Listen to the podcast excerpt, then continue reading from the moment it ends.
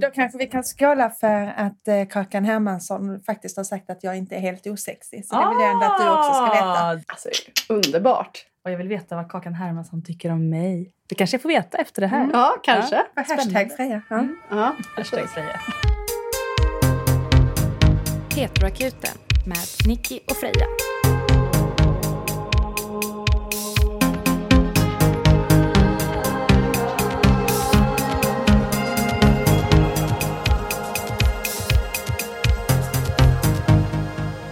Brukar ni sitta så här? Ja, Ja. när vi har gäster blir det så här. Är det så? Det brukar vara faktiskt my- mycket stelare när vi sitter i min säng och så sitter alla framåtlutade och den sitter i hörnet så liksom. Ja, som nu fast vi sitter liksom på knä sängen. så framåtlutade i sängen. Ja. Ja, men det kanske vi kan köra nästa gång. Ja. Mm. Ja. Ja. Och då handlar det om hur du lämnade din unga tjej för att bli ihop med heteroakuten. ja, Ja, och ni som lyssnar, ni fick höra det live. Kom ihåg vad ni hörde det först. Men välkommen hit Jenny Skytte får vi säga då eftersom vi har haft flera Jenny i podden. Mm. Just det. Mm. Tack. Hur känns det att vara här? Naturligt och nervöst, får jag Mm. säga. Ja. Fint. Ja. Bra kombo. ja. Och liksom lite stort. Viktig grej. Är det för att det är just vår podd eller för det du ska prata om? Alltså på ett svarar jag just er podd och också just det vi ska prata om. Mm. Ja. Det är er podd som gör det möjligt. Ja. Mm. Och vad är du här för att prata om idag? Är det jag som ska svara? Ja. Ja. Ja, men ni frågade om jag ville vara med för att jag har levt hetero i hela mitt liv. Tills jag var 46 år. Då blev jag ihop med en eh, tjej. Mm. Ja. Det är ju lite som att de frågorna vi får, de följer ju lite Kommer cykler. i vågor. Liksom. Ja, precis. Mm. Lite cykler. Och vi hade en period där det var ganska många frågor från kvinnor, ofta lite landsbygdhållet, som är väl närmare 40 kanske, 35-40 och lever i heterorelationer och har kommit på att de är lesbiska. Och bara så här, vad fan gör jag nu då? Ja. Eller tänker att de är bi men skulle vilja någon gång liksom leva ut sin kärlek till en annan kvinna. Jag har märkt att varje höst kommer de frågorna. När Ja. vardagen har börjat igen. De har haft semester tillsammans. Jag Ja. tror att det är det. Jag tror Mm. det är semester tillsammans. Att det är så eh, det skaver och eh, sen är det färdigt. Liksom. Sen är det klippt. Eller ins- vissa har också varit där jag har insett att jag aldrig har varit kär i min, min partner. Det finns Och- väldigt många varianter Ja, av absolut. frågan. det den- är aldrig samma fråga. Nej. Men det som är genomgående är väl att det känns som att det är för sent och det känns som att det inte går. Men uppenbarligen finns det en anledning till att de skriver till oss. De hoppas att det går och nu har vi beviset. Ja, här har vi henne. Mm. Livslevande. tog några år innan vi fick hit henne då. Men här är hon. Berätta lite om dig själv. Vem, vem Ja. är du? Äh, men jag är född 71. Jag eh, kommer från Malmö och flyttade hit till Göteborg när jag var 23. Så jag, gick jag läkarlinjen och sen blev jag IVA-läkare, disputerade, har jobbat på försvaret och nu jobbar jag på vårdcentral som läkare. Och privat så har jag bara haft långa relationer, alltså jag har också haft korta, men då har de varit mikrokorta. Så jag är ingen sån här mellanlängdsperson liksom på Mm. relation, utan jag har varit sambo fem gånger. Jack, hur har du hunnit det? Jag är så gammal och började tidigt faktiskt. Ja. Jag har aldrig varit sambo. Nej, du är ju sambo nu. Jo, fast det är ju platoniskt sambo. Ja, men det är de flesta, det, det är de flesta äktenskap är ju platoniska.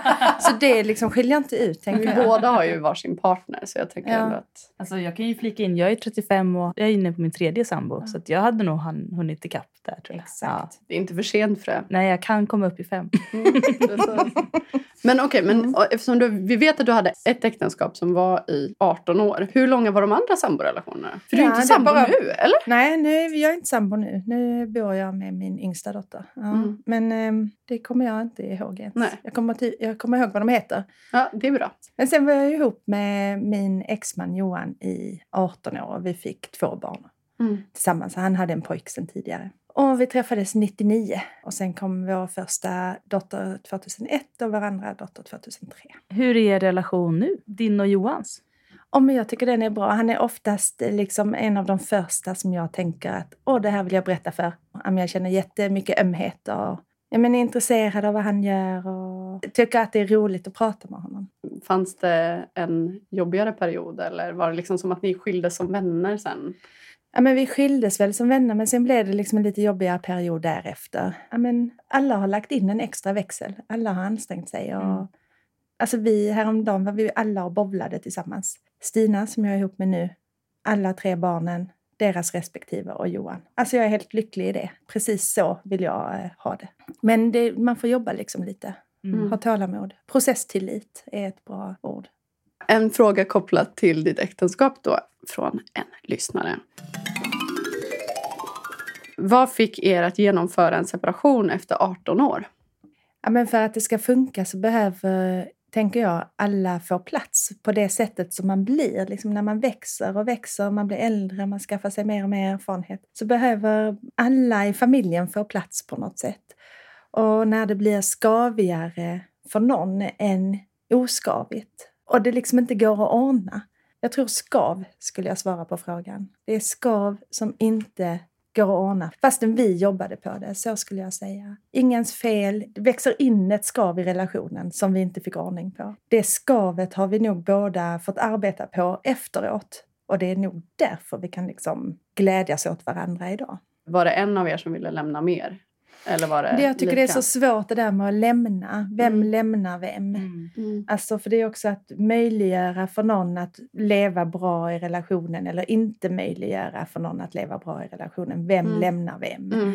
Nu har inte det alls handlat om oss, men eh, där det har funnits eh, övergrepp eller våld eller sådär. Vem lämnar vem? Är det den som Mm. slår eller den som går? Så har det absolut inte varit i vår relation. Men men jag tänker Det- om man har vuxit, alltså att man Mm. är nästan mer som vänner Mm, eller syskon eller sådär. Men att det ändå är en trygghet, man har barn ihop och man liksom har ändå... Man vet vad man har men man vet inte vad man Mm, får. Och man mm. kanske har levt tillsammans nästan hela sitt vuxna liv tillsammans med Mm. någon. Hur vågar man? Jag tror att för eh, mig, som väl var den som lämnade i den mer, ordets Mm. mer traditionella bemärkelse, så för mig var det nog som när jag fick mitt första barn så trodde jag länge att jag hade verkar. Alltså, Nu har jag nog verkar, nu har jag nog verkar, flera veckor innan hon skulle komma. Och sen så när jag verkligen fick verkar, då var det inte någon tvekan. Det här är en verk. Och på samma sätt var det att det här går, nu kan inte jag mer. Mm. Nu måste jag dra ett andetag som är mitt. Så att det var liksom ett väldigt tydligt stopp på något sätt. Fast Mm. det tog så många år av kamp innan det kom till det. Men det var, när det väl kom så var det inte så tvekigt liksom. Men hur var perioden efter då? Eller när ni hade separerat? Och hur mådde du? Jag kunde ju liksom eh, plötsligt dra egna andetag och det var en väldig liksom eh, på något sätt att jag både drunknar och simmar snabbt. Jättefritt och jätteskönt och samtidigt en sån enorm sorg. För att också att det är väldigt svårt att lämna någon som man älskar. Mm, hade jag ja. inte älskat honom, hade jag inte tyckt att det vi hade var värdefullt, då hade det kanske inte känts... Men att lämna någon som är en så kär, det var hårt alltså. Och sen i den vevan så hade jag jättemycket på jobbet för jag disputerade ett halvår efter vi separerade. Gick du upp i jobbet då för att liksom komma undan alla känslor som fanns? Eller det är ganska lätt att man liksom bara flyr in i något annat. Ja, men det gick fort som fasen. Och sen så var det också att det var faktiskt konstigt för att jag har ganska stor släkt. Men ingen kom hit liksom och lagade mat och åkte och handlade på Ikea. Och, eller var med när jag flyttade. Eller liksom, Mhm. Ville de inte att du skulle separera? Eller vad, Nej, vad men var- jag tror att samhället inte vill att man ska separera. Och, och, äh, inte att man ska separera från någon som alla tycker är bra heller. Och, ingen vill att man ska göra det. Mm. Det är bättre att man går omkring och liksom bara andas här uppe i alla år. Mm. Det är liksom bättre för alla i samhället, tycker samhället. Hur gick det här till? Alltså för jag tänker att även som fulltidslesbisk sedan tidernas begynnelse så är det ju väldigt lätt att men när man lär känna någon att tänka att den andra personen bara tänker en vänskap. Och då tänker jag att dels då att båda som ni bara har varit i heterorelationer Mm. innan. Plus tänker jag alltså angående åldersskillnaden som är mellan er. Mm. För att jag har ju absolut försökt ragga på kvinnor som är 20 år äldre än vad jag är. Men det är också som att jag har tänkt att hade jag varit dem så hade jag ju inte tänkt att jag raggade. Eller jag hade inte vågat tänka Mm. det. Samtidigt Ja. som jag vågar inte tänka att hon skulle vara intresserad av någon som var så ung och liten som jag är. Och ni lyckades liksom Mm. övermanna allt. Ja, hur träffades ni? Berätta nu. ja, nu får du fasen berätta. Ja, men vi, eh, Stina är min boxnings... Nej, faktiskt från början var hon inte det. Från början var vi, boxades vi i samma klubb. och hängde ganska mycket. Hon och jag och Evelina och Johanna och en annan Stina. Det var liksom som ett häng. Och eh, Stina, ja, men jag vet inte, vi bara klickade från början. Eh, så vi blev liksom kompisar fastän Mm. det var så stor åldersskillnad. Och jag var också läkare på klubben. Och av olika anledningar så gjorde det också så att Stina inte fick gå några matcher på ett halvår för att hon hade skadat sig. Taskigt. Faktiskt, och hon blev skitarg på mig. ja. Så då kom hon liksom in till dig och då sa du nej, nej, nej. Och sen så fick hon liksom komma tillbaka. Och så hade du den här liksom läkarrollen. Mm. Oj, oj, oj. blev det en helt annan podd. ja, då var det så. Och, eh, ja, men så vi lärde nog känna varandra i den processen också. Ja, så så träffades vi. Men sen då? Hur länge var ni vänner innan det liksom blev något annat? Ja, men vi kanske kände varandra tre år innan jag separerade. Tre, fyra år innan. Sen hängde vi liksom mer och mer. Men var du intresserad av henne liksom tidigt eller? Ja, men jag har liksom som ett bildbevis, inte, på, inte tidigt, men jag har ett bildbevis från eh, den sommaren där jag har skickat till min kompis en bild på Stina när Stina och jag badar bara den här tjejen ska jag bli ihop med. Och då liksom, tänkte du det på riktigt då eller var det lite skämt? Nej, då var jag nog alltså, tokkär Ja. faktiskt. Ja. Mm. Men det är ändå spännande att man har känt varandra så länge. Och, ja, du är ju likadan Freja. Du har ju, var det tre år du och din tjej också kände varandra innan? Ja, nästan tre år. Mm. Mm. Vad var det som gjorde att ni fattade att ni skulle vara ihop? Nej, men vi fattade ju det direkt. Alltså, det Och var särskilt bara... Amorina, hon tjatar ju. Ja, ja. Men, jag, men jag, första gången jag träffade henne och verkligen Mm. hälsade på henne, då, när hon kom fram och bara sa hej, så fick jag en sån slow motion-känsla. Och så tänkte jag, jag kommer bli ihop med den här tjejen. Det kommer inte ske nu, men det kommer ske. Jag vet Mm. det. Och så tänkte jag, intressant att du tänker det. Undrar om det kommer stämma. Och det gjorde det. Mm. Men där var ni i alla fall båda, visste ni om att ni var lesbiska från början i alla fall? Ja, det var ju lite skönt. Men jag hade ju alltid relation, så det var ju ett ja, problem. Ja. Ja, men det, det kan ju överbryggas ibland. jajamän. Okej, nu har jag fått en fråga. Det här är det jag egentligen vill ställa till dig, men då låter jag en lyssnare säga detta istället. Vill veta allt om ögonblicket när poletten trillade ner och när de tog första steget och var det var. Ja. alltså, eh, poletten trillade ner för mig när jag inte liksom kunde andas av att Stina var i närheten. Och det var hon liksom hela tiden. Vad taskigt. Du som precis hade börjat andas igen. Jag som precis hade börjat dra några egna andetag Ja. så plötsligt så satt de här uppe liksom i halsgropen.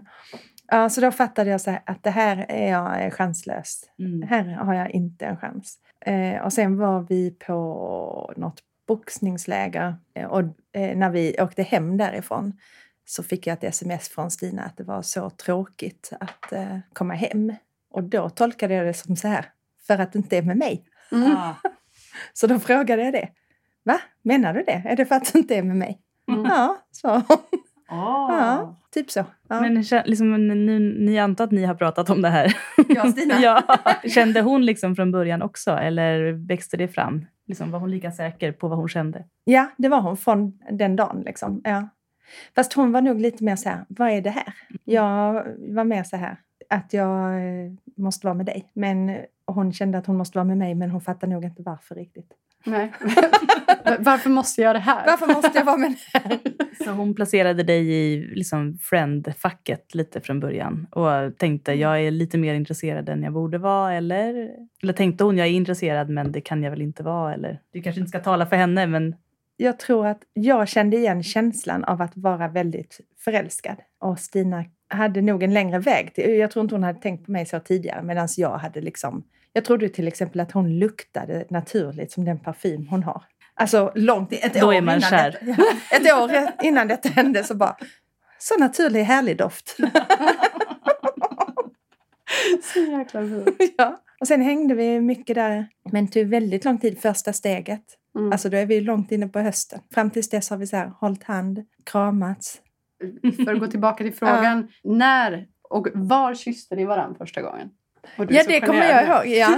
Men jag kommer prick ihåg det. Det var höst och det var kallt. Och det var också så här att vi ville liksom inte vara så himla öppna med att vi var tillsammans. Eller liksom sådär med bar- för barnen och för liksom allt också med alltihopa. Det var höst, det var kallt och vi var som vanligt ute, utomhus på en klippa. Alltså jag vill inte kalla det en kyss men på något sätt så kom min mun på hennes. Det brukar kallas kyss, men okej.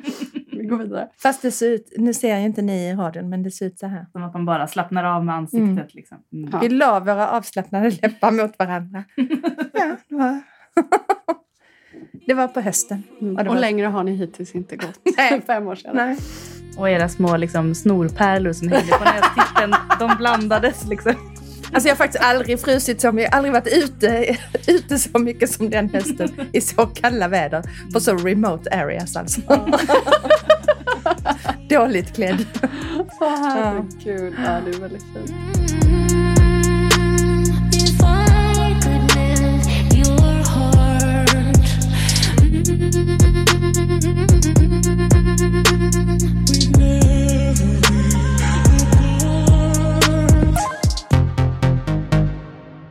Men hur kändes det för dig liksom, första gången du tänkte att du kanske var intresserad av en tjej? Eller reflekterade du över den grejen? Eller ja, faktiskt. För att det har jag känt alltid. Mm. Det har jag eh, faktiskt känt alltid, att jag eh, är intresserad av tjejer. Min pappa sa till mig när jag var ganska liten, jag är uppvuxen bara med honom, kanske så här, tio, bli vad du vill men bli inte lesbisk. Nej. Han kände att det var en risk här. Liksom. Ja. Alltså bara fatta, säg inte det till era barn. Säg inget, håll truten om vad era Mm. barn ska känna och göra. Mm. Det där. Jag lovar att aldrig säga till mitt barn att inte bli lesbisk. Nej. Tack Nicky. Mm. Skönt med en försäkran. Mm. Om jag inte har gått igenom ett jävligt jobbigt breakup, då kan det hända. Nej, men så jag alltid vetat att jag har liksom varit attra- och, och alltid känt attraktion. Mm. Jag kommer ihåg jag och Stina var också på någon spelning så här på Valborg något år innan. Där, eh, de var supersnygga tjejer på scen. Och jag sa till henne, hur kan du vara i den här liksom, branschen? Hur kan du vara i det här umgänget utan att vilja ligga med alla tjejer?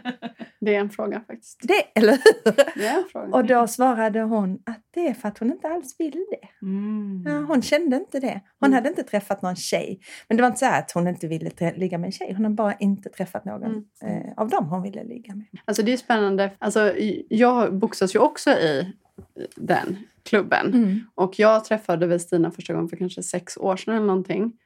Och alltså när jag fick reda på att hon hade pojkvän.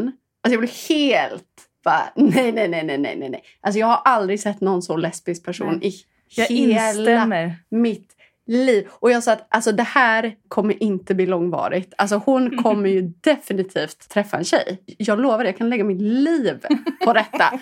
Och det var ju tur. Att, men alltså, att hon inte hade fattat det innan är ju liksom helt otroligt. Men jag tror inte att det är så. Utan jag tror inte att hon hade träffat någon hon blev kär i. Mm. Ja. Och att då är det liksom den enkla vägen. När man Ja. inte är kär i den och inte i den. Mm. Det är den enkla vägen att gå att bli ihop med någon som, Mm. som ingen ifrågasätter. En kille som är Mm. något år äldre och som är lite längre. Och Mm. som, Ett tips är också att inte bli ihop med någon överhuvudtaget. För det är ganska roligt att vara själv kan jag säga. Mm, det kan ju vara ett tips. Det är ju Ja. någonting jag inte provat så mycket. Men, Nej. men Ni två där. Här.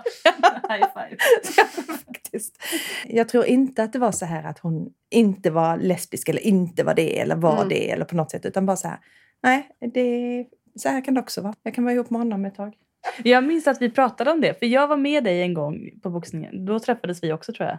Och sen, Har jag, ju inte tyckt att Stina är ful så kan vi väl säga. Nej, och jag höll med. Och jag var så här, Ja. vem är det där? Vad är det för flata? Varför har jag inte sett henne förut? Och du bara, hon har pojkvän. Jag bara, ursäkta? Ja. Det kan inte vara sant. Men sen var det ju... Ja, Det eh, blev ju som det skulle till Ja. slut i alla fall. Det var ju ändå skönt. Vill du säga platsen? Jag tänker om man vill åka Ja. på liksom en sightseeing runt och uppleva er kärlek Mm. liksom postumt här som turist i Mm. er kärlekshistoria. Då har vi ett eh, fokusområde mellan Röda Sten, då vi hela tiden på klippor, Röda Sten ner till Tångudden här i Göteborg. Nästan sådär som eh, homosexuella fick göra förr, att man hängde i Jag tänkte säga det, att det är Mm. liksom cruisingplatser. Man säljer knark, Mm. man ligger med någon i en buske Mm. och man går på dejter. Mm. Mm. Ja men faktiskt, Eller- lite så. Ja. ja. Vi hade någon dröm om att någon gång kommer vi kanske, om allt går som det ska, Mm. kunna handla på ICA tillsammans. Nej men gulligt. Ja. Men vad, vad var det som fick er att känna att ni inte kunde göra det? Ja, men jag hade ju alldeles nyligen varit gift och jag och Johan var ju också ett så etablerat par. Alltså ett Göteborgspar, jätteetablerat. Det liksom kändes som att det skulle bli en sån skräll. Och man skulle få kommentarer, man gick in i någon och de skulle vara så här, vad är det här? Och, och Mm. det skulle pratas. Och, mm. Då tänker jag också då, givet att ni också såg framför er att ni skulle aldrig kunna gå in på ICA utan att typ hångla er igenom hela ICA. För att man kan ju alltid gå bredvid Ja. någon annars som Ja. vanliga människor. Ja, men vi, vi, hade liksom, vi kunde inte se framför oss att vi skulle kunna leva ett ganska vanligt liv tillsammans. Nej. Men inte hon heller? Eller var det på grund av din situation? Eller? Ja, men för båda oss har liksom barnen varit viktigast hela tiden och det, det kändes som ett sånt, det här kommer aldrig att gå. Nej. Men eh, hur gick det då? För nu antar jag att ni kan handla på ICA tillsammans. Och Eller Vi handlar på ICA, vi åker på semester, lägger ut bilder på Insta. ni har Jag till och med varit ansiktet utåt för Magnus boxningsklubb också. Har vi? Mm. Ja, det var någon gång som Magnus la upp en bild på er två. Åh, visst fasen. ja, precis. Och den har de fått ta bort för det tyckte jag inte. Ja, Ja, nej. nej, det var inte så trevligt. Men det, jag vill säga lite om den här resan. För en resa är så här, jag har alltid vetat att jag varit attraherad av kvinnor. Men jag har också alltid varit attraherad av män. Jag har liksom alltid tyckt att det var kul. Liksom allting är kul och, på alla Mm. sätt. Och, så det har inte varit. Och till Johan sa jag ofta så här, åh nu när jag ändå lever med en man, då är du den bästa mannen man kan leva med. Mm. Att, liksom, och det tycker jag verkligen. Och, jag hade liksom ingen så här längt eller saknad. Eller, jag var helt liksom nöjd där jag var med Johan. Men eh, jag vet någon gång så fick jag frågan så här, vad, vad har du för dröm? Och då började jag faktiskt gråta när jag sa det. Men det som jag drömmer om, det som liksom jag är sorgsen som aldrig kommer att ske, det är att jag kommer aldrig få uppleva att leva med en kvinna. För att det har liksom varit en parallell möjlighet. Mm. Men eftersom också jag har haft det bra med Johan och fint med min familj. Alltså det fanns inte, innan det började skava på det där sättet som inte gick över så var jag liksom på mitt bästa ställe. Liksom Mm. den där instängda längtan har jag aldrig haft. Och jag har ingen upplevelse av att jag har kommit ut. Fast någonstans tänker jag att om du har gått från att tänka att ni aldrig kommer kunna synas på Mm. ICA till att ni nu lägger ut bilder på Instagram tänker jag att du verkligen har kommit ut. Sorry. Ja. Men eh, jag tänker att det är väl att komma ut mer än de flesta. Att gå från att det går inte till att Mm. ut med det här. Var det likadant som när du separerade? Att det kändes som att det kom till en gräns där det bara, nej men nu får vi ju bara... Eller vad hände egentligen? Det som hände var att eh, det började falla på plats med att i centrum är hela tiden mina barn då. Och att de gjorde klart för mig att, att de gillade Stina. Mm. Liksom det kunde vara knöligt med vem är den här personen nu som är min Mm. mamma? Mm. Ja, men samma fråga som alla. Har hon alltid varit sån här? Mm. Har hon ljugit hela tiden? Mm. Har hon aldrig varit sig själv? Och när det hade börjat landa lite hos barnen. Och att, så det var inte på samma sätt som när vi separerade. Utan Mm. Det var mer så här, en långsam process. Och Mm. verkligen där vi tänkte, passar detta nu? Är det någon som blir ledsen? Men tror du du hade känt samma stora känsla kring det om det hade, du hade träffat en annan man? Ja men det tror jag därför att det som hände var att jag, i, där när, när vi separerade, jag hade så mycket där med disputation och flytt och så. Och det, verkligen, det blev verkligen rätt så tomt omkring mig på ett jättesorgligt sätt. Mm. Alltså jag behövde allt praktiskt och emotionellt stöd jag kunde få. Det som jag gjorde då när det var sådär körigt för mig, verkligen körigt. Det enda jag ville var att det skulle vara fint hemma så barnen skulle trivas, det skulle finnas mat, jag skulle liksom finnas där för dem. Och det, det, gjorde, det upplevde jag att jag gjorde. Jag liksom klarade av att vara hemma och finnas. Men jag klarade inte av att samtidigt åka till Ikea, bygga en säng, eh, handla, laga mat. Jag behövde mycket stöd där jag var då och den jag fick stöd av var Stina och det gjorde att jag tillät att hon var i, i vårt liv väldigt tidigt. Och det var för tidigt. Mm, okay, ja. Det var alldeles, alldeles för tidigt. Jag skulle ha gjort annorlunda. Jag skulle ha klarat det med hennes hjälp fast inte i liksom mm. När barnen var inte där, när barnen var där. Mm. Om samma situation hade varit med en man så tror jag att med det, den uppställningen som var så tror jag inte att jag hade haft någon egentligt val att göra på något annat sätt. Nej. Det hade Ja. blivit likadant om det var första gången det hände. Hade detta hänt igen, då hade jag sagt så här. Hallå, nu måste någon komma. Mm. Mm. Därför att annars går detta åt helvete och jag behöver hjälp. Mm. Så jag skiter i vad ni tycker, vad ni känner. Men nu får ni komma och hjälpa mig. Och så hade jag haft min partner som min. Liksom. Ja. Som mitt- bakgrunden på ett annat sätt. Och, Ja, Mm. och detta är liksom en stor sorg att jag inte var tillräckligt vaken i det. Det gjorde ont på folk och på mig nu. Men jag hittade inget annat sätt då. Och det var inte det att jag inte tänkte. Jag tänkte liksom typ fel. Nu har inte jag allt varit med om det, men det är ju när man är i ett så känslomässigt tillstånd och man är så sårbar och man känner sig så ensam så ser man också som att det inte finns så många alternativ och man tänker det kommer inte bli bra men det är allt jag har liksom, Mm. kan jag tänka mig. Ja, men jag kommer ihåg en sån, precis en sån grej som var så här. Där jag fastnade i att jag har inget diskställ. Jag måste ha ett diskställ. Och där jag verkligen kände så här. Ja, men jag har ingen som jag kan ringa och be om att åka och köpa ett diskställ. Jag har alltid varit så himla stark och självgående och sånt där. Så det är inte heller så himla lätt för folk att bara, nu kommer jag och hjälper dig. Mm. Utan jag fick ju Mm. frågan så här, behöver du hjälp med något? Vad fan svarar man på det? Alltså, Nej det, såklart. nej såklart, eftersom det brinner överallt. Ja. Så vad Mm. är det du ska hjälpa Ja. mig med? Mm. Men det, det där tycker jag hör från följer mycket, känner många som funkisfamiljer och sånt där. Alltså just det här att många frågar runt sig till bara om det är någonting jag kan hjälpa till med. Men att det inte handlar om att eller att man ska behöva be någonting utan att man istället som vän säger att nu kommer jag att laga mat åt dig eller behöver du handla någonting? Mm. Ska vi åka iväg och göra det här? Behöver du skjuts med bilen? Man liksom kommer med konkreta saker alltså för folk ja, men som genomgår någon stor livsförändring eller någon typ av kris. Mm. Ja, för när man är så utsatt, man kan liksom inte riktigt, man kommer inte prioritera sig själv heller. Det är det som är så konstigt, att man, man säger inte jag behöver det här, man vet att man behöver det. Det här är också bara mina erfarenheter, men det är väldigt lätt att tänka att jag inte förtjänar hjälpen. Mm. Och jag tänker att nej, men jag har satt mig i den här situationen, jag får bara lida ut det. Det är så här dåligt, jag kan inte påverka det. Alltså när jag har, verkligen har behövt hjälp så brukar jag försöka reach out. Men det som man ofta blir förvånad över det är ju vilka det är som kommer och Mm. hjälper en. Det är en intressant sak faktiskt. Mm. Vad sa vännerna och hur liksom, fick de reda på det här och gick det bra till slut? Alltså, det var helt olika reaktioner. En stor eloge till Stinas kompisar som bara Woho! Vad roligt! Inte ett ljud om åldern, inte ett ljud om vilket kön jag har. Bara, vad kul att du är ihop med en person som du gillar. Wow! Men är inte det lite också en yngre generation? Ja, men det kan det absolut vara. För jag, jag har ju nu en jättefördel av den här lite större familjen som jag har. Där den äldsta familjemedlemmen är 56 och den yngsta är 18. Att ha det i sin nära familj, Mm. det är liksom coolt. Och mina döttrar, de tänker inte så mycket på det. Mm. Men de är ju uppvuxna i Göteborg. Det Mm. får man inte glömma. Det är här i centrala Göteborg. Där Och det, med man dig kan som förälder. Ja, och Johan, vi, Mm, man, mm. de är queer liksom, på sina sätt, på sina respektive sätt så att Mm, säga. Alltså mm. fria själar och så. Mm. Mm. Och Stinas kompisar var verkligen bara glada. Och mina kompisar har varit liksom lite varierande. Mina nära kompisar, glada. De tycker det är skönt att hon är med och mysigt och de tycker om henne och pratar med henne. Liksom från början som att hon är en egen person. Sen har jag ett kompisgäng som var så här. Hur går det i skolan Stina? Nej men, va? Och då var det åldern då framförallt som var problemet. Ja, Men jag tror hela grejen blev för konstig de för dem. det. Det blev nej. liksom för konstigt. Jag... Men det är också personer som vi har umgåtts med, med som par. Alltså jag och Johan har umgåtts med som par.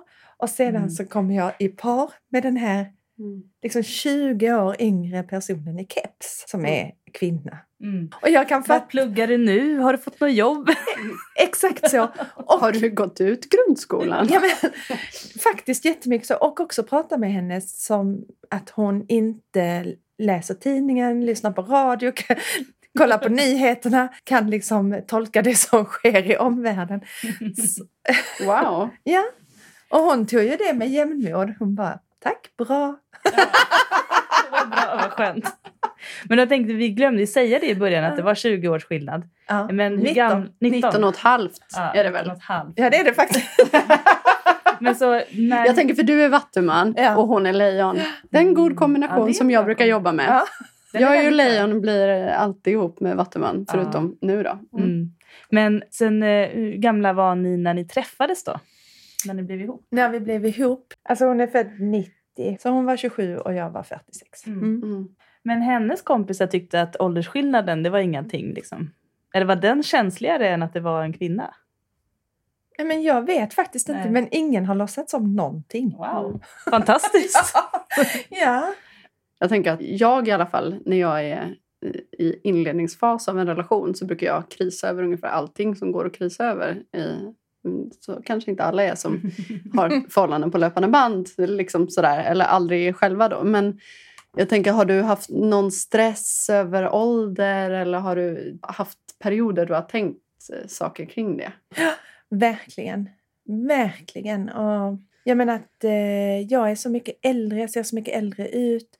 Vi får ju ofta, och det är faktiskt ganska jobbigt, vi får ofta så här, åh, är ni ute mor och dotter? Åh nej, ja Så- den är jobbig. Usch. Ja, det är Ja. faktiskt jobbigt och särskilt när det är så här från Conny på krogen liksom. Ja, men det är flera grejer det här med att leva samkönat. Ett av mina syskon sa en gång så här, det är väl inte så himla annorlunda att leva samkönat. Då bara jag reste mig upp. Men Stina stannar kvar och pratar lite. För grejen är att det är jävligt stor skillnad. Mm. Hur man blir bemött, hur man blir tittad på, vad man får för kommentarer. Alltså det är så mycket lättare att leva olikkönat. Och vad det gäller åldersskillnaden så är ju det en extra Mm. för då blir det så här. Nej, vi är ett par. Va? Är ni ett par? Ja, vi är ett par. Som i att ni är ihop? Ja, vi är ihop. Men är inte ni olika gamla? Ja, jo, säger vi, men vi har ju samma kön så det jämnar ut sig. Alltså, Ja. så får man göra det där att man får skoja på sin bekostnad eller... Ja. ehm, Ja, det, jag tänker att jag, alltså om det är Conny som frågar mig, mm. då svarar inte jag på tilltal överhuvudtaget. Mm. Alltså jag känner att tiden i livet är för kort för att man ska typ försöka göra det bekvämt för att Conny ställer frågor som han inte ska fråga. Det är ju bara att säga, varför frågar du det? Är du dum i huvudet? Eller bara, det här är ingenting som vi tänker lägga vår tid på att svara på. Hej då. Men jag Ignorera. förstår ändå att man gör det. För jag tänker man vill ändå sitta kvar ja. där och kanske äta sin mat och Mm. liksom prata klart. Och liksom, man vill ju inte behöva känna att man är obekväm. Mm. Och då tar man ju ofta det här snacket för att man känner att man vill kunna släppa det sen. Liksom. Samtidigt Jag är tror det också att det är så här att du har ett helt community. Du har, jag kommer Mm. inte ihåg vad du sa, men så, typ rålesbian hela livet. Du har ett Mm. helt community. Jag har liksom inget Mm. där. Det är typ ni som är mitt community. Mm. Nu är jag hela mitt lesbian-community. Mm. Och, och jag, då definierar jag mig ändå inte som lesbian. Det är liksom, jag har inte den där Mm. klungan bakom mig som jag kan trilla. Jag har inget separatistiskt rum. Mm. Nej, jag Och- förstår. Det behövs, eh, Mm. tror jag, för att känna den tyngden. Mm. Mm, det tror jag också. Eller bara vara jävligt less på Mm. att ha fått de kommentarerna. Och i, dit är jag på väg. efter. Ja, och det tror jag också. Och det här är verkligen, här är verkligen ingen kritik mot dig. Jag tänker bara att det här. Ja. det här är väldigt vanligt och jag tänker att det också är vanligt i alla sammanhang också som kvinna. Ja, men om en man säger något obekvämt och man umgås med den mannen så vill man gärna liksom släta ut det för att det inte ska bli dålig stämning. Mm. Så man curlar folk Mm. som inte förtjänar att bli curlade för att det sitter så himla hårt i ens benmärg. Jag håller helt det. med. Det, det, det är precis det jag börjar bli trött på. Jag är trött på att ta ansvar för, för liksom folk som är vuxna. Mm. Jag är trött för, på att släta över andras misstag för att de är män. Jag är jättetrött på att inte ha samma rättigheter och ha samma liksom förmåner. Och... Mm. Det tycker jag är en stor fördel med att leva med en kvinna. Alltså det finns ingen som är patriark Nej. hos mig och det är det är liksom en befrielse. För jag tycker det är skönare och med lite färre män i mitt liv. Jag tycker faktiskt det. Mm. Mm. Och det kommer sig automatiskt om man inte lever med en man. Då blir det färre män. Och det är skönt för att det finns något där som jag tar hand om och som jag slätar över som du säger. Mm. Och Men det handlar också om respekt. ansvar för. Det är så tjatigt. Alltså det handlar ju också om att till exempel Conny, om du Mm. hade varit där med, säg en 20 år yngre kille, då hade han haft respekt för den killen och aldrig frågat de frågorna för att det finns en helt annan respekt mellan, Män liksom att det är mannens kvinna. Mm. Då ska man inte säga sådana saker. Även om han är yngre så är det mannens Ja. kvinna. Liksom. Ja. Och det är så jävla äckligt att Mm. det är så. Jag tror bara den tanken får mig väldigt uppeldad. Mm. Liksom att hade jag varit här med en kille, eller om jag hade kysst min pojkvän här vid busshållplatsen så hade det inte varit ett gäng som står bredvid och skriker wow och applåderar. För det hade inte hänt. Liksom, alltså, man blir bara så trött så man... Det kan vi säga till de som inte förstår. Det händer ju faktiskt när två tjejer kysser varandra. Mm. Då är det ett killgäng som applåderar och ropar en gång till, en gång till. Eller garvar. Eller Det, garvar. det är nästan ännu värre. Det har jag varit med om. Ja, Mm. det har jag varit med om flera gånger. Att folk börjar peka och garva. Det är så himla förnedrande. Ja. Det, så, så summa summarum, det är Mm. inte samma att leva samkönat som att Nej. leva särkönat. Mm. Det är olika. Och vad det gäller ålder så tänker jag mindre på det nu. Men ett tag tyckte jag så himla synd om Stina. Jag bara, men titta, ska du vara ihop med det här? Jag är skitgammal, jag har sån här rynka mellan ögonen och bara tusen relationer liksom. Och, åh, du vet, jag kommer typ vara inkontinent när du är medelålders. och så har jag liksom... kan någon torka dig. Exakt så svarar hon, men då hjälper det mig. Det är Och väldigt sådär. fint. Ja, det är faktiskt väldigt fint. Mm. Och sen så har liksom det internaliserats på ett positivt sätt. Så nu är vi ju flera medelålders kvinnor som sätter vårt hopp till att Stina tar hand om oss när vi blir äldre i vårt eh, kollektiv Livmodern som vi ska ha i Värmland. Ja, ja, ja. Oj, Vi flyttar dit Nicky. Ja, ni är välkomna. hänger med. Ja. Hänger med. Det var faktiskt ganska länge, något, flera år, där jag liksom skämdes över mig och min ålder inför Stina. Och det var inte på grund av henne, för hon har alltid bara älskat mig. Men eh, jag skäms heller aldrig över mitt utseende nu inför henne. Aldrig någon. Det har jag gjort hela mitt liv. Skämts över hur jag ser ut och vem jag är. Mm. Nu kan jag skicka så här, god morgon, värsta fulbilden. Och hon bara, åh. och bemöts man med mycket bekräftelse. Mm, ja. Fan vilken skillnad alltså. Mm. Det blir så jäkla trevligt alltså. Ja. Och det, det har fått mig att både trivas mycket bra med mig själv. Det är någon som liksom gillar hela mig. Och nu tänker jag faktiskt inte så mycket på åldern. Mer än när det är så här, inte hur lång tid är det nu till jag ska gå i pension? Ja, just det. Att Mm. man börjar tänka på det på riktigt. Och för henne är det liksom långt borta. Ja. Mm. Ja. Men alltså jag, jag kan ju säga, nu är det inte alls samma skillnad. Vi är nio år mellan mig och Amalina. Mm. Men vi, jag tänker ju så också. ja, du gör det? Ja, jo, ja. Och hon skämtar ju om det, men hon tänker ju aldrig på att det är ett problem heller. Men jag förstår ändå. Liksom. Jag märker ju, det har ju vi pratat om Nicky. Mm. Efter 30 så kommer kinderna ner och rynkorna fram. Och nu är vi fortfarande, vi måste ju ta vara på vår ungdom som är kvar. Ja. Men man Sista märker ju ändå solen. skillnad. Och hon är ju liksom i 20-facket fortfarande och är liksom ung och fräsch. Och, Hon är fortfarande i åldern där man bara blir snyggare och snyggare. ja, hon åldras ju bara med värdighet just nu. Hon blir bara mogen medan man Ja. själv blir äldre. Exakt. Ja, för det tycker jag är den stora skillnaden. Ja. För Mm. varje dag som går så blir Stina mer och mer medelålders. Liksom i yngre medelåldern. Mm. Medan jag blir liksom så här i medelåldern gammal. Det liksom Mm. Ja, det, finns så många, annat- finns så många steg man kan gå. Mm. Som är, Men sen så var det någon som berättade att liksom kvinnokroppen sjunker ner 14 centimeter från det. 14 centimeter. Vad var det du sa Freja om rumpan? Ja, men jag hörde att rumpan sjunker 10 centimeter. Men jag kan tänka 14. mig att det kan vara 14. ja, det har gått väldigt fort för mig nu. Precis. Jag tror min rumpa har sjunkit 5 centimeter på fyra år. Eller något sånt där. Mm. Pang sa det. Och då är du 35. Ja. Jag har faktiskt inte Mm. tänkt på det. Jag tänker att jag... Nej, men jag tror inte jag har kollat så himla noga. Jag tänker mer att jag ser lite från sidan och tänker... Ser bra ut, ja. Ja, grattis. Den, den som har snyggast rumpa som jag vet, det är ju Jenny, Jenny Högström. Högström. Ja. Som också varit med i podden två gånger. sant, hon har en fantastisk världens rumpa. snyggaste rumpa, det har hon verkligen. Och Eh, ni är ju samma ålder. Ja. tre år äldre. Ja, ja, men då Mm. har vi något att se fram emot Nicky. Ja, precis. Det går att rädda. Men det är ju det som gäller. Man Mm. behöver ha sina förebilder. Jag har så här Eva Dahlgren. Jag tycker Mhm. hon är jättestilig så fortfarande. Gud ja. Och... Attling också, hon är ju 70. Jo, 70! Ja, Fast hon är så 70. mager. Men framför allt så verkar de ju ha så här kul, göra roliga saker, göra Mm. det de vill. Eh, för det är också det här med ålder. Ja. Till exempel så har jag börjat surfa. Det är sån sak som folk kan ha åsikter Och då om. menar vi inte på nätet. Nej, Som vi brukar säga. Utan vågsurfa. Och liksom så här, har köpt en liten van som jag åker runt med. Som vilken Men det- hipster som helst helt Som vilken hipster som helst. Men då kan folk... Ja, fast den är tyvärr... Den är ju liksom för obekväm för att vara en riktig hipsterbil. Mm. Den är inte så här franska bageriet, utan det är mer... En sån hantverkarbil. Ja, det liksom. är det faktiskt. Det är faktiskt precis en hantverkarbil. Utan kök. Man kissar och bajsar i skogen. Men inte det ännu mer hipstrigt och ungt? Att man bara tar något och kör liksom. Men då kan folk ha liksom lite... Folk har också åsikter vad jag lyssnar på för musik. Mm. För jag tycker jättemycket om eh, en viss typ av rock. saker som inte riktigt passar in i min ålder. Och det kan jag få kommentarer på. Och vad du är äventyrlig. Och det kan jag också Som känna att så det ska vara en negativ som att det är någonting som är så här. Du, nu All- gör Jenny en liten min, en fisförnäm min. Ja, precis. Folk vill gå på konst och jag vill åka på Stoner festival. Mm. Så Det behöver ju heller det ena utesluter ju heller nödvändigtvis inte det andra. exakt, exakt. Det ena utesluter inte det andra. Men man får bara göra en sak i taget om man är 51. Så är det på riktigt. Det bästa jag och min tjej vet är att kolla på Rederiet tillsammans. Det är åt andra hållet då. Vi har liksom gått till 80-årsåldern direkt. Men det är jättehärligt. Då är ni i den fasen. Ja, Kan visst. ni bara bli yngre nu? Då åker rumpan uppåt va? Ja.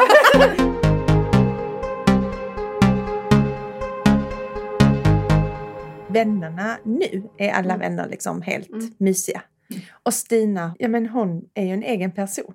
Och vi bor ju inte ihop och sådär. Så det gör ju också att hon är kanske en mer en egen person. Är det ett aktivt? Jag tänker så här, om du har varit mycket sambo innan Mm. och sånt där. Är det med de erfarenheterna som gör att du inte vill bli sambo nu eller är det något annat som gör att... Jag ville inte bli sambo innan heller. När jag och Johan blev tillsammans så var det ett sånt kriterium jag hade att vi aldrig skulle Mm. bli sambos. Och hur bra gick det? Det gick bra. ett kort tag. Ja. I ett och ett halvt år. Men sen så ville vi ha barn tillsammans. Ja. Och då sa Johan att om vi skulle ha barn, då ville han gärna bo ihop. Mm. Och då blev det så. Det kan ju bli sv- svårt allra där i början i alla fall. Om man ska ha barn tillsammans tänker jag. Nej, det tror inte jag. Inte det? Nej. Nej. Jag tror att man hade löst det om inte normen hade varit. Då hade ni två flyttat hem till mig så hade vi hjälpts åt med det barnet. Alltså, Mm. det finns andra sätt att leva på än att leva tillsammans, kloss an den man älskar, som sin livspartner. Om man nu har Absolut. en som man älskar. Mm. Jag har ju aldrig ens testat det men jag tycker det verkar väldigt jobbigt. Och jag är tvärtom. Jag älskar att bo tillsammans. Du har haft perioder du inte har gillat att vara sambos men det är ju kanske efter dåliga förhållanden. Jag har faktiskt för det mesta gillat att vara sambo. Men det är ju sådär om relationen inte är det man vill att den ska vara. Mm. Då är det ju verkligen outhärdligt. Men jag, de flesta gånger har det faktiskt varit Mm. väldigt bra. Och då har jag varit ledsen att personen flyttar ut fast det är slut. Men då har jag liksom inte velat bo själv. Då har jag Ja. liksom, när en vän ofta flyttat in lite för Mhm. att jag inte kan vara själv. Typ. Jag vill verkligen bo med folk. Mm. Ja, Ja. men jag vill också gärna bo med folk. Men du bor ju med dina barn. Ja, precis. Ja, det är jättebra. Folk bor jag gärna med. Men det här, jag har alltid trott att det faktiskt är bättre för relationen att inte bo ihop. Jag tror att det handlar om att jag inte har fått luft när vi har flyttat ihop. Och det gäller alla mina relationer. Att då blir det så jäkla mycket på mannens Mm. villkor. Mm. Kanske inte praktiskt, men allt som är rätt, allt som är bra, allt som räknas. Liksom eh, den normen i förhållandet utgår så mycket från mannen i mina fall. Mm. Och det handlar ju också säkert om min uppväxt och vem jag är och vilken, Ja. liksom, vilken typ av män jag har valt. Ja, men hur samhället ser ut. Det är ju så här samhället är uppbyggt. Allt som man gör som går ifrån det, det är ju för att man verkligen aktivt jobbar mot det.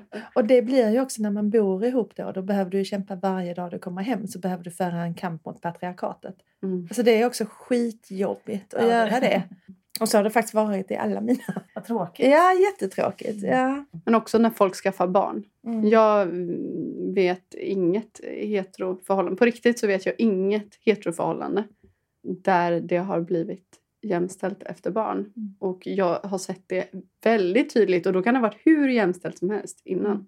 Mm. Alltså jag blir så stressad. Och jag tänker att det, all, alltså, det kommer ju alltid finnas olikheter även om man är samkönad som ska få barn eller Ja, sådär. ja. Men att det är verkligen som att man har övat, kanske haft många relationer eller olikkönade relationer. Liksom lärt sig att ja, men som feminist så vill jag att det ska vara på det här sättet. Men när man får sitt första barn, det har man aldrig gjort förut. Mm. Då är det lätt att bara hamna i de facken för att man också är trött och man orkar inte. Man orkar inte ta den kampen och argumentera varje dag. Tänker jag som barnlös lesbisk.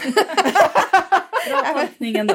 Tack. Men ändå väl, väl utfört. Ja, jo, men att det, det är nästan lite obehagligt. Alltså. Man kan se hur den skillnaden kan vara. Och många själva kanske inte tänker på det. Går vi in på en lyssnarfråga här. Mm. Är nya partnern, Stina alltså, i liknande ålder som dina barn? Om ja, hur känns det? Om det känns? Frågetecken. Åh, bra fråga. Eh, nej, hon är mellan mig och mina barn. Men hon är väldigt nära i åldern eh, min exmans eh, äldsta barn. Så det finns lite närhet Ja. där. Liksom. Ja. Alltså Stina är fyra år äldre än min John då. Som är din bonusbarn? Ja, då, liksom. precis. Och så är hon 12 och 14 år äldre än de andra. Ja, i början så tänkte jag mycket på hur det var för John. Mest för John då, som Mm. var så nära i åldern. Men också att eh, något av mina barn har vid något tillfälle reflekterat över det. Hur ska jag vara med den här personen som är liksom typ mammas nya kille men lika gammal som en kompis med. Alltså, Mm. hur är man då? Det har ju tagit en liten stund för dem att hitta. Men jag har ju själv varit extra förälder i många år och har gjort verkligen min beskärda del av misstag och också vet lite vad jag hade behövt för stöd och behövt för hjälp i det. Det som vi väl har gjort är att jag och Stina har pratat mycket. Vi har pratat mycket om att vara vuxen i relation till barnen. Och när jag säger barnen menar jag inte att eh, ni är barn, utan bara att ni är mina barn. För mig har det varit viktigt att, att Stina står på sin vuxensida av de där 12 åren som skiljer. Mm. Men så jag har liksom försökt att ta ett li- litet steg tillbaka men verkligen hålla om alla parter i det där. Där det har känts konstigt som svar på frågan är ju, ja men jag kan ibland känna så här, att det är klart att det är jobbigare för barnen med mig och Stina. Så 19 års skillnad och två tjejer och det är klart att det sticker ut och det är klart att varför skulle de komma och hälsa på oss liksom värsta? Det är klart att det är härligare om det hade varit så här hetero och allting hade varit normalt och Gud, jag, Ja, det- alltså, jag hade varit en dröm av lesbiska mammor. Alltså, det är allt. Eh, Kanske lite partisk, men Ja. också... Jag tänker att när man är liten så vill man väl bara att ens föräldrar ska vara precis som alla andra. Ja. Men eh, sen... Men det här är nog min fantasi ja, lite. Hur, och din att så här, oro. mm, Mm. Min oro. Det har jag verkligen känt att de, de kommer välja bort oss liksom. För det här är för konstigt. Och det som jag har försökt göra det är så här, andas i fyrkant. Mm. Processtillit. Ja, men jag och Stina har pratat mycket om att stå på det vuxna benet. Mm. Liksom. Och det tror inte jag spelar någon roll vilken ålder man är. Har du inte barn i din närhet som du har övat på så är det en klurig transitionsperiod. Mm. Mm. Ja, och kanske så här, för jag har dejtat folk som har haft typ treåringar. Så jag har tyckt att det är en förhållandevis lätt Mm. period att komma in i ett Ja. barns liv. För De de, har väldigt ju lätt att- knyta an till en, även om Mm. det är jobbigt först. Mm. Och det kan vara lite svartsjuka och sånt där. Men det har jag också lätt att förstå. Men också att barnet har väldigt lätt att ty sig till en och skaffa ett band till en ganska snabbt. Mm. Men dina barn var väl lite större ändå? En tre. En tre. De var 14 och 16 och 23. Mm. Mm. Nej, men när jag träffade Amorinas pappa så förstod jag att han var ihop med en tjej som var i min ålder. Mm. Så han tyckte det var väldigt obekvämt att jag också Hennes kunde... pappa är väl också ganska ung? Får man Ja, säga. hennes pappa är väldigt ung. Och han har träffat en tjej som är i min ålder, som är mellan mig och Amarina då. Nej, mellan Amarina och hon själv menar jag. Mm. Och så hon och jag hade ju kunnat vara bästa kompisar och då blir det i princip som att, det Mm. blir som att han blir jämnårig med sin dotter. Liksom, när hans dotter är Mm. ihop med en som är lika gammal som hans tjej. Och Det var en intressant position när båda har liksom mycket åldersskillnad åt olika håll. Men eftersom att han ändå var så ung när han fick henne så är det ju inte så himla mycket åt varken det ena eller andra Nej, hållet. Det är väl typ tio års skillnad mellan båda. Jag hade ju också verkligen kunnat umgås med honom. Mm. Alltså, det är inte en så konstig åldersskillnad. Nej. Alltså, jag menar, men det är inte en så konstig åldersskillnad mellan han och hans tjej heller. Alltså, Nej. nej.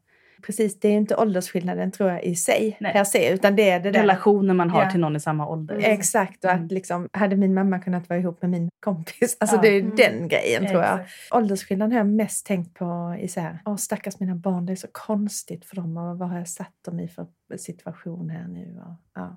Men vad säger de själva då? Alltså de verkar tycka jättemycket om Stina. Och jag kan säga att för mig som vuxen och som förälder till de här, det finns ingen gång där jag har känt herregud vad säger hon? Herregud vad gör hon? Hon är den bästa bredvidvuxna som jag kan tänka mig att ha. Mycket bättre än vad jag var för Johan vad det gällde John. Liksom i den situationen. Alltså hon är grym. Hon är liksom helt mogen, närvarande, jättesnäll, kör och hämtar, lämnar, hjälper dem är där när de behöver saker, lyssnar. Äh, hon är, lyssnar på mig. Tack. Jag har ju bara pratat med en av dina döttrar på den där festen. Du Mm. vet, eh, innan då jag blev lite på kanelen av den spriten som serverades så pratade jag med din ena dotter. Och hon känns som att hon bara var, eller jag skrev ju det till dig. Mm. Tror jag. Mm. Alltså att, att hon hade pratat så himla varmt om hur modig du var och hur häftig du var. Mm. Och att jag också suckade efter ett tag och sa Åh, herregud jag hoppas att jag får en dotter som är som du. Och då blev hon väldigt glad. Ja, ja, men... Då blev hon lite gråtig. Ja. Det var fint. Men det var, herregud, jag fattar inte vad du har gjort. Men något, något bra har du gjort. Nej, de är Så- faktiskt eh, grymma. Och Mm. också att det är klart att det blir lite knöligt till en början. Men kolla, alla var där och spelade bowling och sen gick vi och Mm. käkade. Ja, det kan gå. Mm. Alltså, gör det. Ja, gör det. Ja, ja men precis. Ja, vad, vad, våga, gör det. vad vill du säga till de här eh, personerna om, om man lever i en trygg kärnfamilj som man har levt i länge och kommit på att herregud, det är inte alls så här jag vill leva. Hur ska man våga? Ja, men om det är kvinnor så tänker jag så här, det är så himla lätt att man tänker att, eh, att allting kommer att gå åt helvete om, man lever så som man vill så att man kan andas fulla andetag. Men det gör faktiskt inte det. Det går inte åt helvete. Det reder sig. Man får jobba, man får vara närvarande, det vill säga göra precis som vanligt, ta ansvar. Men eh, man landar liksom på fötterna. Det är inget farligt. Man blir inte en sämre mamma, obs! Nej, Nej, det bra. tänker jag Obs många det. är rädda för. Obs på det! Man blir inte en sämre mamma för att man lever så som att man själv kan andas. Ja, Man det- kanske kan vara en förebild och bli en bättre mamma. Mm. Och sen menar inte jag så här, om du kommer ut eller om du... Men om det ska vara du inte kan andas där du är, då är det inte där du ska vara. För så kan man inte leva hela sitt Nej. liv. För då tror jag att man blir olycklig och då blir man ju inte en bra förälder eller partner eller vad det än Mm. kan vara. För då går man ju bara omkring och le- leker liv. Alltså jag känner mig otroligt hel och som mig själv och jättehärlig. det är du. nu. Jag har ingen aning om det är för att jag lever i en relation där jag får mycket bekräftelse och där jag känner att jag kan skicka bilder på mig själv när jag inte är liksom, toppsnygg. Eller om det är för att Stina är kvinna. Jag tror att det är. För mig så är det jättestor skillnad mellan att hänga med kvinnor och hänga med män. Och att ha det så mjukt och smart som jag får ha det nu samtidigt. Det är väldigt härligt liksom. Mjukt och smart. Fint. Ja, men där det inte heller är så här att någon har rätt eller fel eller att det är ett annat, ja, att det finns lite utrymme och det upplever jag oftare i sammanhang där jag är med många kvinnor än där jag är i sammanhang med många män. Jag vet inte vad som är vad, Nej. men eh, Men det blev i alla fall bra. det, blev ju, Ja. det blev ju bra och det kan ju vara det som är grejen. Våga ta det på allvar. Och också, vill du vara med en kvinna, våga det för det är gött också. Det är liksom trevligt.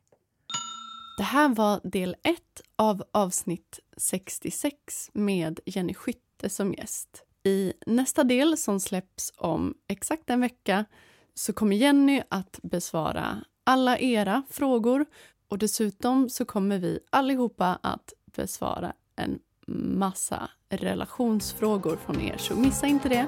Vi ses om en vecka. Hej då! Heteroakuten är Nicky Irla och Freja Holmberg. Maila dina relationsfrågor till heteroakuten Musik och ljudmix av Nicky Irla.